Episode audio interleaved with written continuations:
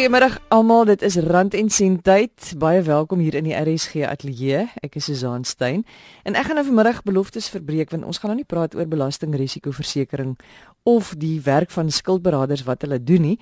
Dit kom binne die volgende 2 weke, so dit gaan kom. Ons gaan vanmiddag wel kyk na die strategie van die wynbedryf. Hulle het vir die jaar probleme gehad met die ekonomie en 'n paar ander dinge. So ons gaan kyk watter strategie hulle vir jaar in plek het om die mark uit te brei. Dan praat ons oor wat jou regte is as 'n kredietkaartgebruiker. Wat kan jy doen, wat kan jy nie doen nie en wat kan die winkels doen en wat mag hulle nie doen nie? Byvoorbeeld sekere fooie van jou neem as jy versekerde bedrae koop. En dan praat ons oor organisasies se regsfoute wat hulle in 2016 gemaak het en wat om te vermy in 2017 of die jaar wat voorlê. Maar ons begin met Christo Conradie, hy is die bestuurder of 'n bestuurder daar by Windpro Wynkelders. En uh, Christo, jy sê jy het groot planne om die wynbedryf vir jaar uit te brei. Ek dink twee goed wat ek wat ek graag sou daan vir jou en en vir die luisteraars wil noem vanmiddag is ons het so, so jare en 'n half gelede begin met 'n totale inisiatief om te sê hoe gaan ons die wynbedryf na die volgende vlak toe neem? Ons weet die toestande is stram daar buite. Ons weet die finansiële klimaat is uitdagend daar buite. En ons het toe begin met 'n projek om te sê hoe lyk die strategie wat ons die wynbedryf wil vorentoe neem. En ek dink twee pilare wat ons werklik baie sterk gaan op uh, aandag gee. Dis toerisme is die een en dan die plaaslike mark. Toerisme op die op die huidige stadium se inkomste tot die nasionale bruto binnelandse produk is ongeveer 6 miljard rand. En ons glo in die volgende 10 jaar kan dit opgaan na 'n bedrag van 15 miljard rand. Dit kan ook lei tot werkskepping. So ek wil amper sê die area wat dopgehou kan word is spesifiek aktiwiteite rondom toerisme, wyntoerisme. En ek dink dan wil ek vir die vakansiegangers wat hierso na die ek wil amper sê jy kan in die noorde by by Oranje rivier kan jy begin, jy kan afkom hier teen die Weskus, jy kan in die Boland te draai maak, jy kan uitgaan na die Woeste, Bredekloof, Robertson, Klein Karoo area toe. In totaal is daar 18 en ek dink die jongste een het bygekom, daar is 19 wynroetes. En hierdie wynroetes is almal baie begeerig om meer te doen rondom dit wat hulle aanbied. Dit is nie net wyn per se nie, maar dit te kombineer met toerisme en ander aktiwiteite. So in Leiden wil ek vir jou sê toerisme en die plaaslike mark gaan ons duidelik met 'n hernieude poging kom om dit wat ons vir jou kliënt kan bied en vir jou verbruiker kan bied is om te sê weet jy moenie net wyn as 'n alleenstaande entiteit sien nie. Kyk daarmee saam in toerisme en maak dit werklik 'n 'n gesinsaktiwiteit wat wat jy kan geniet. Christo, jy sê daar is ook programme in die bedryf in plek om uh, verbruikers te leer om alkohol te geniet en reg te gebruik eerder as om dit te misbruik. Kom ek sê vir jou daar's daar's heelwat programme nie wat ons as Winpro spesifiek doen nie, maar ek dink in die wynbedryf, as jy praat van die verskillende assosiasies, kom ek noem een of twee. Jy kry byvoorbeeld die Pinotage Assosiasie, uh jy kry Chenin Blanc, jy kry Sauvignon Blanc. En hulle het op 'n gereelde basis of dit op televisie of radio praatjies is waar hulle ek wil amper sê hierdie tipe van bekendstelling aanbied as dit kom by kosprogramme, as dit kom hoe jy dit kan gebruik in jou in jou alledaagse aktiwiteite om te ontspan. Ek dink uh, ek en jy vroeër gesels het dit is ook gesê hierdie program gaan oor rand en sent. Jou verbruiker daar buite sê hoor ek wil waarde vir geld hê. En waarde vir geld eh, beteken ook, weet jy, as ek alkohol gebruik of as ek wyn gebruik, dan het ek ook 'n gesin en almal in my gesin drink nie noodwendig wyn of hulle is nog nie op daai ouderdom nie. Daarom is dit opmerklik dat 'n mens gaan kyk by van hierdie eh, ontspanningsplekke en of toerismebestemmings word daar ook iets vir jou kinders aangebied waar hulle sekere aktiwiteite kan doen of dit nou 'n speelareas is wat hulle dit kan geniet of fietses waar hulle kan gaan ry of damme waar hulle kan swem of waar hulle kan visvang of wat hulle kan doen En die familie word ook opgevoed om te sê, luister, ja, ons weet jy kry die konnisseurs as dit kom by wynproe. Maar dalk is dit goed om te sê, weet jy, kom ons begin op 'n baie basiese eenvoudige vlak en vertel jou 'n bietjie meer. Proe en sê wat jy miskien in in in in hierdie wyn ruik of wat jy proe en gaan toets dit. As jy byvoorbeeld iets van soos 'n Chenin Blanc drink een wat sê maar uit die Weskus uitkom, dan gaan jy verder jy gaan koop een wat moontlik in in in in Elim area is of jy koop een wat 'n Robertson is jy vergelyk dit met mekaar en ek dink dan begin jy nader aan jouself ook wil ek amper sê opvoed klink mos asof 'n mens vir iemand wil leer hoe om iets te doen. Hierdie gaan meer oor blootstelling. Uh en ek dink dit is iets waar ons wynroetes 'n groot rol vorentoe gaan speel soos aan om te sê hoe kan jy dit 'n familieaktiwiteit maak en hoe kan jy dit op 'n verantwoordelike wyse gebruik dat As pa en ma 'n wyntjie geniet dat die kinders kan sien wie dit is niks snaaks nie en ons gebruik dit op 'n verantwoordelike manier. Soos ons die dag die ouderdom gebruik wat ons drank kan ook bestel en saam met ons ouers geniet, dan is dit iets wat nie vreemd is nie en ons kan dit gebruik as ons eet, as ons gesels, as ons kuier en werklik wil ek amper sê ontspan saam met familie en vriende en dat dit iets is wat jy lekker kan geniet as as gesinsaktiwiteit. Christine nou met die afgelope vakansieseisoen, hoe lyk dit gewoonlik daai tyd van die jaar of sê net maar hier Desember en Januarie en so aan? sien julle 'n toename in aankope van alkohol? Kom ek sê vir jou Susan, ons ons sien duidelik in November teen die einde is begin die volume toeneem in terme van jou kope met dat of verkope met natuurlik in Desember en Januarie, Desember spesifiek wat dit wat dit wat dit baie hoër gaan. As ons praat oor jou oor jou, jou verbruiker daar buite, die persoon wat vanmiddag nou luister en sê wie wat ek koop op 'n gereelde basis miskien vir my wyn, maar ek wil waarde hê en ek dink waarde vir geld is nie net eenvoudig jy kry iets wat goedkoper is as in die loop van die jaar of jy kry iets vir 'n afslag of daar's 'n spesiale aanbieding nie. Vir ons gaan dit eerder daaroor om te sê as jy iets gaan koop, moontlik hierdie tyd van die jaar koop mense baie meer vonkelwyn as wat hulle andersins dit sou gedoen het. So as 'n verbruiker in 'n winkel instap en hy koop nie deur die jaar miskien gereeld wyn nie, dan het ons agtergekom met met navorsing. Enige kliënt gaan kyk na die prys. Hy gaan moontlik kyk van watter area kom dit aan. En en ek dink eksperimenteer self 'n bietjie. Kyk wat is die notas wat wat aan die agterkant van die bottel staan of aan die voorkant en gaan toets dit self gaan sê jene ek hou hiervan dit is vir my baie lekker en dat jy nie net klakkeloos agter 'n prysaanbieding sal gaan nie maar dat jy ook sou gaan sê maar hier koop ek 'n produk wat ek self mee kan gaan eksperimenteer ons het so 'n tydjie gelede het ons 'n paar mense bymekaar gekry en gesê man wat ruik jy hoekom ruik jy dit eet iets saam met dit of dit nou 'n sjokolade is of dit nou 'n gewone iets wat jy moontlik daar in 'n dipsousie sit of as jy saam met jou kos dit geniet en en kom agter hoe die hoe die geure verskil Uh, en maak jou eie notas daar rondom, maak dit 'n ervaring. En ek dink dit is wat ons baie graag wil hê, hoe die verbruiker na wyn moet kyk. As jy dan nou 'n bietjie gewoond raak en jy het al die verskil tussen wit en rooi, dan weet jy in jou wit is daar 'n paar cultivars en ek kan nie vandag uitbrei daar rondom nie. En jy gaan besluit luister man, ek hou hiervan. En dan kyk jy later, as ek iets soos 'n Chenin blank gedrink het, sien jy dit smaak vir my lekker. Hier sien ek adverteer iemand nou, dis 'n bosstop lees 'n bietjie daaroor, kyk 'n bietjie wat is 'n bosstop? Dis tipies iets wat miskien net van reënwater afhanklik is of net aanvullende besproeiing teenoor 'n ander wingerd wat deurlopend hierdie jaar water kry uit besproeiing. Proe die verskil en maak 'n nota daar rondom. Dan begin wyn vir jou interessant raak. Dan kan jy begin dit deel van jou gesprekke maak as dit altyd 'n hoog ek kan mos sê hoogdrawende gesprek is oor wat jy proef nie proe nie. Christo die pryse van wyn net want baie mense ek ken mense wat wat sê nee wat jy weet ek moet nou 'n botteltjie koop wat so R100 is dan is dit lekker wyn. Maar dis nie te sê nie, daar is ook lekker goedkoop wyne wat baie lekker is en elke dag drinkwyne is. Dit is presies die uitdaging wat ek vir iemand wil. Kom ons kom ons begin ek kan vir jou eenvoudig sê op die huidige stadium van alle verkope in die binneland wat iets in 'n glasbottel is, is so amper 45%. En dan wil ek amper sê kom ons gebruik die Engelse woord uh die back in a box of die tapfaatjies. Hulle is so 34%. En dit is nie noodwendig 'n minderwaardige produk nie, dit is dalk 'n goedkoper produk. Sy verpakking is dalk goedkoper, maar as jy gaan kyk, hy's ook gesertifiseer. Hy het deur die hele proses gekom. Hy kom uit dieselfde area uit. En dit hang af hoe jy dit wil gebruik. As jy 'n 2 liter wil ek amper sê een van hierdie tapfaatjies in jou koelkas wil hou oor die oor die vakansietyd en jy haal hom elke kant uit en jy en jou vrou of jou gesin drink 'n glasie of twee sit hom terug, dan is hy daar om geniet te word. En jy moet self besluit, weet jy, ek hou hiervan, dit is vir my lekker, die smaak, die geur en jy kan ysby sit of wat jy ook al wil bysit daarbey. Uh, en as jy dan of iemand iets duurder wil gee, maak seker gaan dit oor die gebaar hoekom jy dit wil gee. Natuurlik, as jy die R100 bottel wil koop, uh, dan gaan die wynbedryf glimlag, maar ek dink kwaliteit is absoluut afhanklik hoe elke gebruiker daarna gaan kyk. Dit geld dieselfde as dit as dit kom by koffie, tee of sjokolades. Ja, nou dat jy koffie, tee en sjokolades noem, dit is eintlik wonderlik hoe ons deesdae so oop is om alles te meng met mekaar, alles saam te kan eet, alles te beproef. En dit is wat uh, lekker is, nê? Beproef alle dinge en behou dan wat vir jou goed en lekker is. Christo Konradi, bestuurder by of hy's 'n bestuurder by Winpro daar by die wynkelders. Jy is ingeskakel op RSG. Jy kry vir ons op jou radio 100 tot 104 FM of op die internet www.rsg.co.za of op die DStv kanaal 813. Ons is besig met Rand en Sent soos elke Sondagmiddag tussen 5:00 en 6:30. Praat ons oor geld sake. Nou miskien het jou maatskappy of het jou maatskappy dit oorgekom die jaar wat verby is? Miskien nie.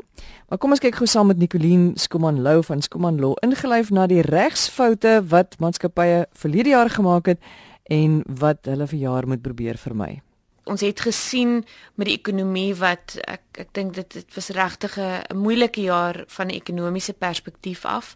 So baie besighede het het was nie 100% reg om al die uitdagings wat daarmee saamgaan uh, te kon hanteer nie soos byvoorbeeld uh hulle beperkings in voorwaarde dokumente of of kontrakte met kliënte het nie voorsiening gemaak dat hulle daardeur hulle kontantvloei op 'n verantwoordelike wyse kon bestuur nie so um met met die gevolg dat almal het dit uh, het die jaar moeilik ondervind so sonder daardie raamwerk wat ehm um, die kontantvloei kon kon beter bestuur en aggenome dat dat klante moeiliker gaan betaal het besighede ongelukkig ehm um, ook onder die druk deurgeloop. Ehm um, so dis 'n groot les is om om begin die jaar vars en en kyk na daardie dokumentasie wat jy aan jou klante gee om te teken. Maak seker dat dit die kontantvloei in jou besigheid beter bestuur en dat dit natuurlik ook ehm um, regverdig is teenoor die betrokke kliënt. Die die ander aspekte natuurlik is uh bemagtiging, swart ekonomiese bemagtiging, nog steeds baie onduidelikheid omtrent die regulasies in die verband.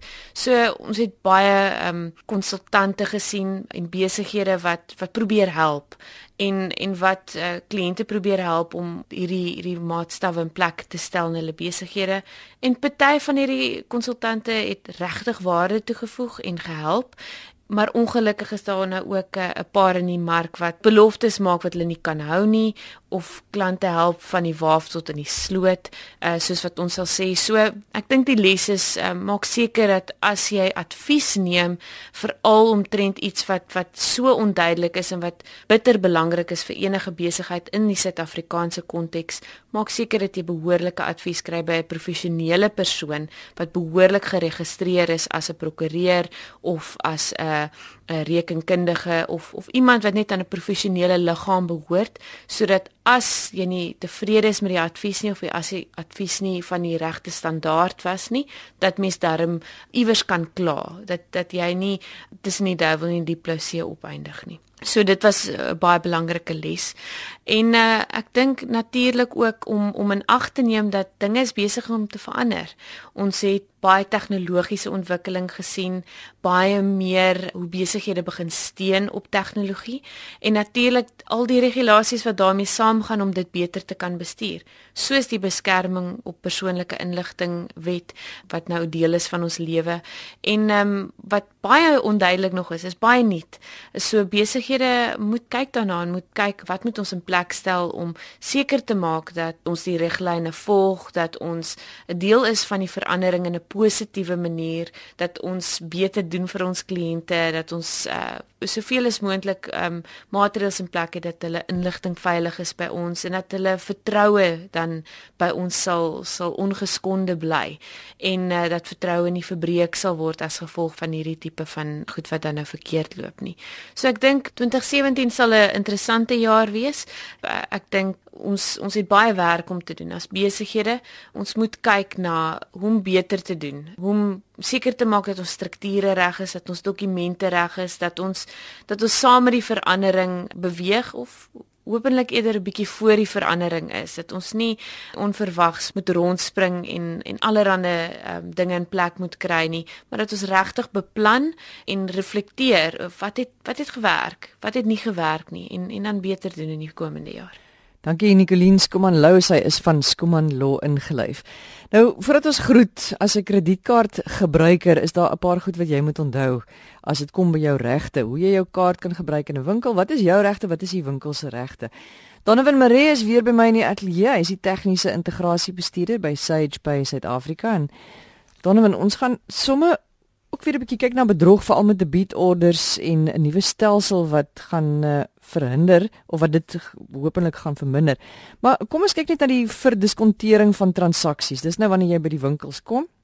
Val die kleiner handelaars wat dan vir jou 'n fooi wil hê omdat jy jou kredietkaart gebruik. Onwettig, Susan, jy mag dit nie doen nie. Die prys wat geadverteer word op 'n artikel is die prys wat jy moet betaal. Dit is wat die kredietkaart onderneming wat die handelaar met sy bank het baie duidelik staaf. So as ek by jou winkel instap en ek wil 'n bos blomme koop en die bos blomme kos R150 of ek jou met kontant betaal of ek jou met 'n cheque betaal of ek jou met my bankkaart debit of kredietkaart betaal, die prys is R150. Daar is niks wat hulle stop om afslag te gee op 'n transaksie vir ander betalingsmeganismes nie. En dit sien mense gereeld waar iemand sê betaal my kontant en ek gee vir jou 15% afslag of 10% afslag. Maar jy mag nie sê omdat jy met 'n kredietkaart betaal moet jy 5 of 10% ekstra betaal nie. Dit is onwettig. So die winkel moet eenvoudig daai bedrag dan maar inreken by Correct. die koste van sy produk. Ja. Dis 'n besigheidsonkoste wat jy aangaan om daai transaksie te doen. Ehm um, as 'n mens gaan kyk na volstasies, volstasies sit met baie kontant want mense betaal vir hulle brandstof in kontant, maar hulle vra jou nie ekstra vir die kontant omdat jy met kontant betaal nie, hulle moet daai koste met hulle absorbeer. Dieselfde met 'n kredietkaart transaksie. Mense noem dit vir uh, vir diskontering van die transaksie en dit is onwettig, jy mag dit nie doen nie. En dan sê jy daar's regte wat 'n kaarthouer het en daar's regte wat 'n verskaffer het. Wat is hierdie regte? Die verskaffer is basies wat hulle noem die merchant in Engels. Dit is die maatskappy by wie jy koop of die handelaar by wie jy koop. So jy gaan na 'n webwerf toe of jy stap by 'n winkel in en daar's 'n masjienkie wat jou kaart kan insit. Dit is die verskaffer. Hulle het sekere regte in terme van die kredietkaart uh, wetgewing wat daar buite is wat internasionaal is wat deur Master en Visa gegee word wat basies eerstens sê dat hulle het die reg om 'n transaksie wat jy dispuut by hulle teen te staan. As hulle kan bewys dat jy was daar, jy het jou kaart ingesit, jy het jou pinkode ingesit, het hulle die reg om 'n transaksie wat jy dispuut teen te staan. Die regte wat die kaarthouer het is dat hy kan enige transaksie dispuut. Of jy dit met jou pinnommer gedoen het en of jy dit aanlyn gedoen het, jy het 'n dispuutperiode wat jy 'n transaksie mee kan dispuut. Afhangende van die tipe transaksie raak dit baie moeiliker om transaksie te dispuut. Aanlyn is natuurlik maklik want jy kan net sê ek het 'n groen bal gekoop en ek het 'n blou vierkant gekry. Ehm um, dis nie die produk wat ek gekry het nie of ek het die produk gekoop en ek het nooit die produk ontvang nie. Hy het verlore geraak in die pos. Of ag daar's 100 redes wat jy kan gebruik om 'n dispuut te verklaar. So dis makliker op daai basis waar dit 'n in-persoon transaksie moeiliker is want daar word aanvaar deur die kredietkaarthuise dat as jy die produk in persoon aanvaar, het jy dit ondersoek, is jy tevrede daarmee en het dit gewerk. Dis nie te sê dat jy het uitgestap by die winkel en by die huis gekom die produk aangeskakel en toe werk die produk nie en nou weier die handelaar om jou geld jou terug te gee nie. Dis 'n ander storie daai. Maar jy het regte, jy het 180 dae om enige aanlyn transaksie te dispuut en enige in-persoon transaksie natuurlik as dit op jou bankrekening is 40 dae en op jou kredietkaart natuurlik so gou as moontlik voor daai transaksie deur die bank se stelsel gaan. So die beste is dit as jy enige iets is waarmee jy ongelukkig is wat bet wat betrekking het met jou kredietkaart of enige aankope wat jy gedoen het, is om dadelik na jou bank toe te gaan. Ek dink die belangrikste ding is om dit eers met die handelaar te probeer uitsorteer voordat 'n mens net na die bank toe hardloop en die die transaksie dispuut aanmeld. Uh, dispute kos geld. So met ander woorde as ek agterkom hierso maar hierso is 'n restaurant waar ek nooit geëet het nie, dan gaan jy na jou bank toe. Oh, okay. Dan gaan jy na jou bank toe. Maar as jy iets aangekoop het by abc.com en jy kom agter luister, maar die produk wat hulle vir my gestuur het is nie wat ek gekry het nie, kontak ja, ja, eers die handelaar ja, en sê vir ja. hulle luister, Julle het nie vir my die regte produk gestuur nie. Jy sal vind meeste van hulle en van die groter ouens in Suid-Afrika wat ook aanlyn verkope bied, is baie goed daarmee om daai produk dan dieselfde dag om te ruil teen geen koste vir jou nie. Dit is 'n nuwe jaar wat voorlê en ek is seker daar's allerlei nuwe dienste in die in die bedryf om ons uh, lewens makliker te maak en om seker te maak dat bedrog al hoe minder gaan raak of te, ten minste te probeer. Wat is daar nog? Susan ja, ehm um, debietorder en kredietkaart bedrog is natuurlik iets wat ons almal na streef om minder te maak. Daar is 'n nuwe diens wat gaan uitkom vroeg in hierdie jaar wat bekend staan in Engels as authenticated collections of gemagtigde debietorders. Dit is 'n diens wat ons al gepraat het verlede jaar oor wat verlede jaar sou uitkom. Korrek, ja. So daai diens gaan baie binnekort lewendig gaan en in effek hoe dit gaan werk is soos wanneer jy 'n aanlyn kredietkaart transaksie doen. As ek 'n debietorder teen jou bankrekening wil laai, wat maandeliks moet afgaan. Gaan die bank vir jou 'n OTP stuur, 'n SMS stuur en jy moet daai kode vir my teruggee sodat ek die transaksie kan laai. Dit gaan dan die magtiging vir die transaksie wees wat nou nommer 1 vir die handelaars groot verligting is veral vir ons ons internetmanne daar buite die ouens wat die ISP's het. Jy het nie meer nodig om papierwerk nodig te hê met hom nie want die transaksie word digitaal gemagtig deur die verbruiker of deur die bankrekeninghouer. Die tweede voordeel van hom is is dit is 'n kontrakbestuurstelsel ook. Dit is nie net 'n debit order nie. Die spesifikasies oor die diens gaan ek vir jou nou latere uh, insetsel moet lewer. Ons het nog nie al die spesifikasies nie, maar ons is baie opgewonde daaroor want dit gaan bedrog drasties afbring veral op die debit order veld. So jou gewone debit orders gaan nog steeds voortgaan. Die maatskappy wat die debit order laai, gaan moet magtiging kry van die kaarthouer. So hy gaan jou details laai, die maatskappy wat die debit order wil trek van jou rekening af. Kom ons sê jou gym wil geld trek. Hulle laai jou details dan op hulle stelsel. Hulle stuur dit deur na die bank toe. Die bank stuur vir jou as rekeninghouer 'n boodskap om te sê, "Susan, gaan jy toelaat dat jou gym R300 'n maand van die 1 Januarie af van jou rekening aftrek?" En jy moet ja of nee sê. As jy ja sê, gaan die transaksie afgaan. Sodra die bedrag verander, moet hulle weer toestemming kry om dit te doen, maar dit word alles digitaal gedoen, so daar's nie papierwerk betrokke nie. En daai mandaat of daai goedkeuring wat jy gee, bly staan vir die periode van die kontrak. Dan het ons moet beslis asseblief as dit die oomblik wat ons dit gaan begin gebruik moet ons daaroor praat. Want ek dink dit gaan baie probleme jy weet ek ek dink nou sommer 'n paar van my eie transaksies wat al plaasgevind het of 'n bedrag wat net skielik verander. Ja. en 'n mens kyk nie altyd vir alles dit 'n klein bedragie is ja, jy weet. ja. Baie van hierdie ouens vlieg onder die radar. So hulle doen 'n transaksie vir R49 'n maand of vir R39 'n maand en dit is net vir die verbruiker te veel moeite om vir R39 die bank te skakel. Hulle los dit net Maar as jy R39 transaksie het, maal dit met 1000 of 10000 transaksies oor 12 maande, gaan doen nie somme. Dis baie geld wat verlore raak. Ja, ek dink dit is maar belangrik om te gaan kyk na daai transaksierekords van jou as dit inkom en ek weet ek sukkel self daarmee want baie keer kry jy die goed per e-pos en jy gaan nie dadelik sit en om elke transaksie deur te gaan nie. Maar weer eens nou maar 'n les om te leer. Gaan nou maar deur jou transaksie rekords wat die bank vir jou stuur en kyk maar of daar enige ongemagtigde ehm um, transaksies was want ehm um, soos Donovan nou gesê het dit kan 'n mens baie geld per jaar kos. Dankie Donovan Maree, hy is die tegniese integrasiebestuurder by Sage by Suid-Afrika. Dis ook die einde van ons uh, program vandag. Onthou jy kan vir my enige tyd 'n e-pos stuur met vrae, voorstelle as jy van ons gaste se kontakbesonderhede soek. Die adres is rsg@randencent@gmail.com. rsg@randencent@gmail.com.